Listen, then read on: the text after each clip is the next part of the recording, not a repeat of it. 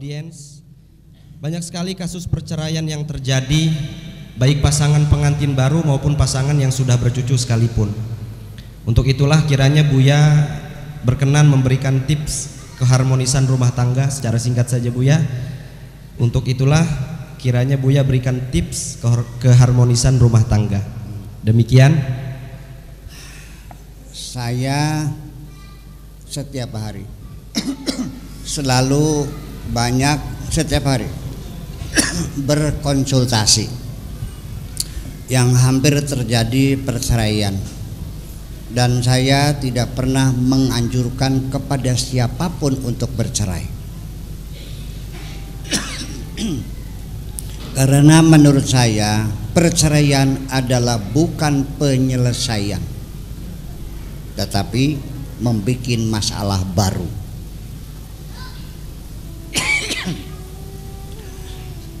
kebanyakan perceraian yang terjadi di negeri kita ini. Sebetulnya kalau diurai secara mendetail ternyata hanya berebut pepesan kosong ketersinggungan.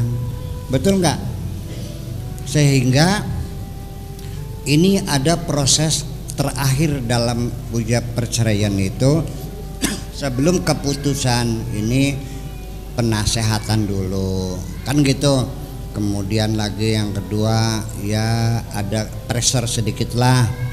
Tapi fa'iduhunna wahjuruhunna fil madaji bisa ranjang dulu. Ya kan gitu. Suruh merenung dulu. Jangan malam bertengkar pagi cerai ngaco ngomong. Nanti dulu yang buru-buru. Sampai wadribuhunna perlu ditafsirkan wadribuhunna maknanya bukan mukul istri. Salah tafsir. Nggak mungkin Allah menyuruh kamu memukul istrimu. Doroba itu bukan mukul. Doroba itu maknanya ada 200 makna. Innallaha la yastahi la masalamma bukan memukul memberi adrabal umalu mogok bukan mukul. Mudorobah bagi untung. Kitab ini yatakawan min salasati adrubin adrubul awal adrubusani adrub bukan pukulan pertama bab pertama bab kedua bab ketiga. Segudang makna kok kenapa wadribuhana dipukul? Ilmu dari mana mukul istri anak aja dalam hubungan sama istri istri bukan milikmu istrimu adalah berdasarkan kontrak. Akdun nikah kontrak nikah. Bukan suruh mukul anak aja. Punten ini mah. Dan yang terakhir itu ada wadfu hakaman min ahliya wa hakaman min ahli. Dan ini tidak pernah terjadi di negeri ini.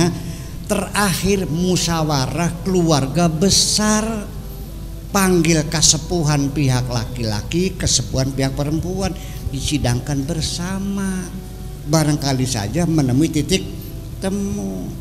Paham? Kalaupun ternyata tidak lalu terjadi perceraian.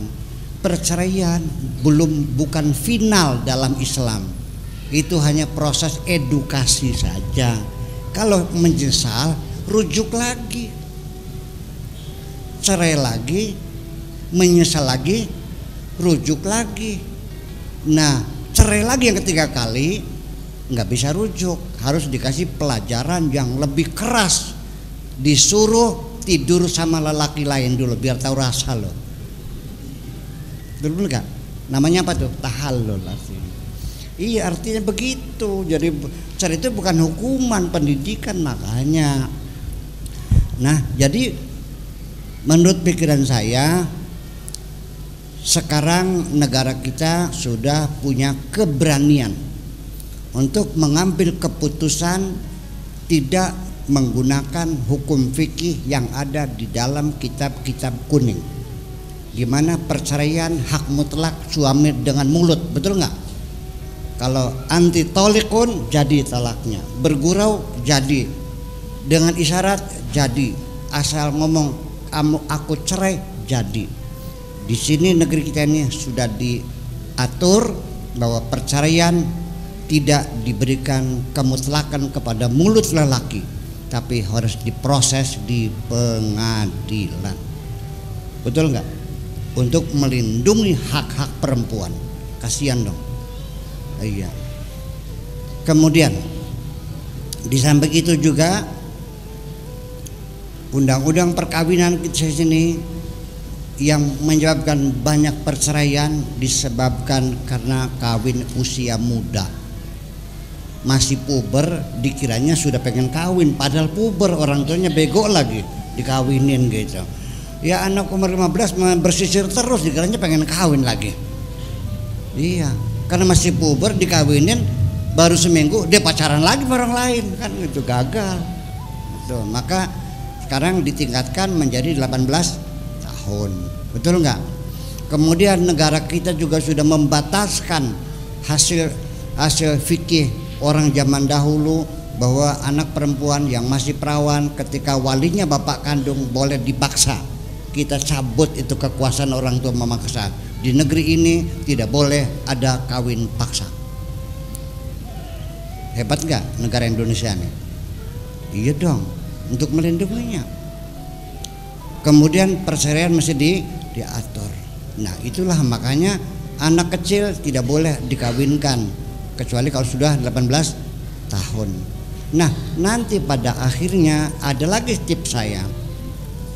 Sebaiknya perceraian ini nanti terakhir diselesaikan dulu gono gininya hak laki berapa hak perempuan berapa sudah jelas baru putusan cerai. Jangan cerai dulu hak gono gininya akhirnya nggak selesai selesai setuju nggak begitu? Betul nggak nih rumah punya siapa? Berapa? Jelas begini dong. Dulunya usaha bareng-bareng kok. Setelah jelas kepemilikan siapa? Nah baru diputuskan cerai. Jangan cerai dulu baru bertengkar rebutan har harta. Nggak selesai selesai nantinya. Nah itu persoalannya. Jadi artinya pada akhirnya begini. Abghadul halali indallahi at-talaqu. Barang halal yang paling dibenci adalah tolak sekalipun itu halal tapi dibenci paham nggak? Apa artinya kalau Allah benci kepada kita? Sebaliknya kita berbuat ke amal yang soleh tapi kalau Allah tidak ridho apa artinya? Jadi kita ini sebetulnya bukan mengejar amal soleh Tapi amal soleh yang mendapat ridho Allah Kita bukan hanya mengambil yang halal Tapi yang yang jangan sampai menyebabkan Allah marah. Marah Allah dan ridho Allah itu harus menjadi tujuan kita Bukan pekerjaannya.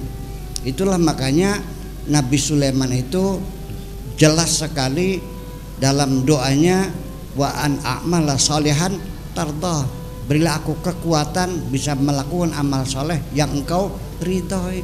Soleh tapi gue ngediridhoi ngapain soleh mah soleh tapi ngediridhoi biar enggak nah terakhir saya tutup sekali yang penting kita mendapatkan ridho ridho Allah kita jangan mengejar hasil yang penting kita etos kerjanya itu saja. Dan nanti kesimpulannya Allah ridho atau tidak, Allah senang atau tidak, nggak ada urusan. Terserah Allah. Kalau Allah senangnya begitu, ya kita begitu. Ada perempuan datang, aku tidak cinta, dia ngepes segala macam, ya silakan aja. Tapi orang yang aku cintai, saya suruh ngepel nggak? Suruh duduk ngobrol kok jadi jangan salah paham ketika ada orang yang kelihatan ibadahnya santai-santai, dia kekasih Allah jangan ngecek dong. Paham nggak?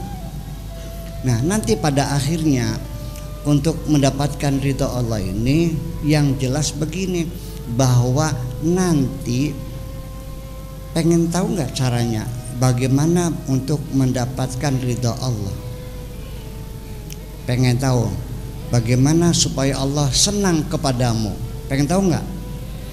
Ilmunya satu. Kalau engkau ingin disenangi Allah, cobalah engkau belajar senang diberi oleh oleh Allah apa pun yang diberi engkau senang ketika engkau selalu ridho dengan apa pun keputusan Allah maka Allah akan ridho apa pun yang kau lakukan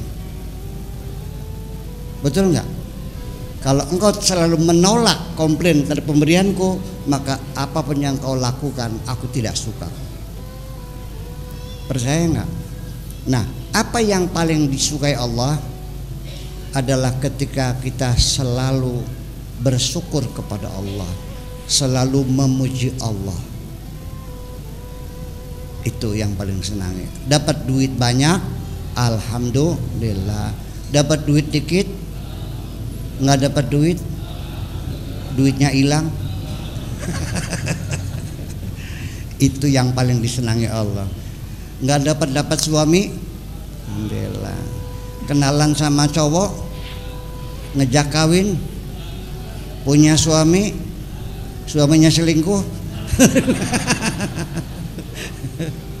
nah, kalau kita selalu bilang alhamdulillah dalam kondisi apa pun Allah mengatakan apabila mulutmu selalu memujiku maka apa pun yang keluar dari mulutmu pasti aku dengarkan. Kun fayakun. Bagaimana cara memuji Allah petunjuknya setiap hari kita baca dalam sholat kita. Sanjunglah Allah seperti ini. Rabbana lakal hamdu wahai Tuhan kami kami selalu menyanjungmu. Berapa banyak kau sanjung aku? Mil samawati sepenuhnya langit. Wa mil'ul ardi dan sepenuhnya bumi. Wa mil ma syi'ta min sya'in ba'du dan sepenuhnya seberang sononya langit dan sepenuhnya seberang sononya bumi. Baru setiap ucapanmu akan terjadi semuanya. Ku dengarkan. Oke? Mulai besok kita sanjung Allah Subhanahu wa taala.